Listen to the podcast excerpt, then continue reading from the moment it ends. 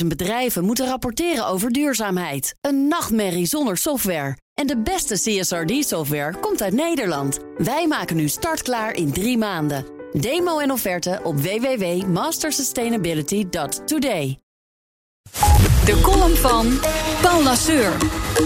Het is spijtig om te moeten vaststellen, maar op alle fronten faalt ineens de polder.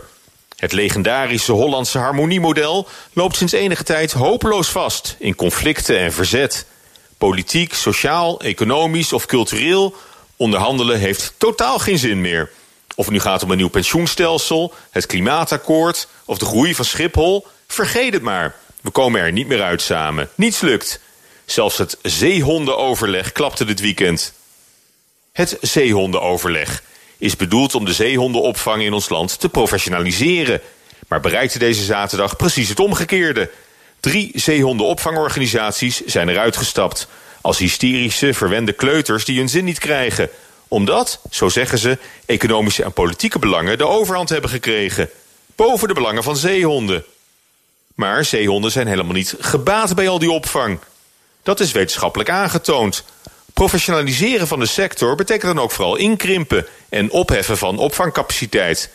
De zeehondencrashes zaten van meet af aan bij dit overleg aan tafel als de kalkoen die mag meepraten over het kerstmenu.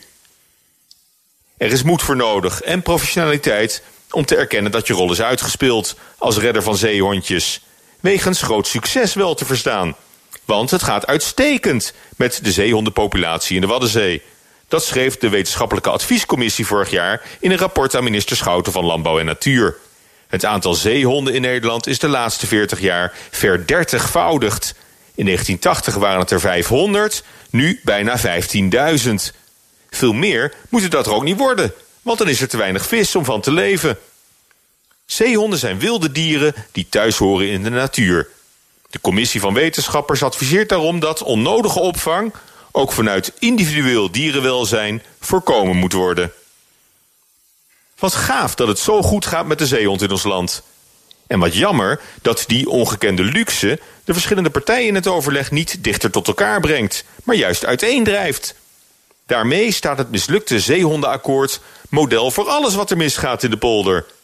Uitgangspunt van onderhandelingen moet altijd zijn de wil om er samen uit te komen. Weglopen uit overleg is een teken van zwakte. Het is de arrogantie van de onmacht. En een goed akkoord moet aan beide kanten een beetje pijn doen.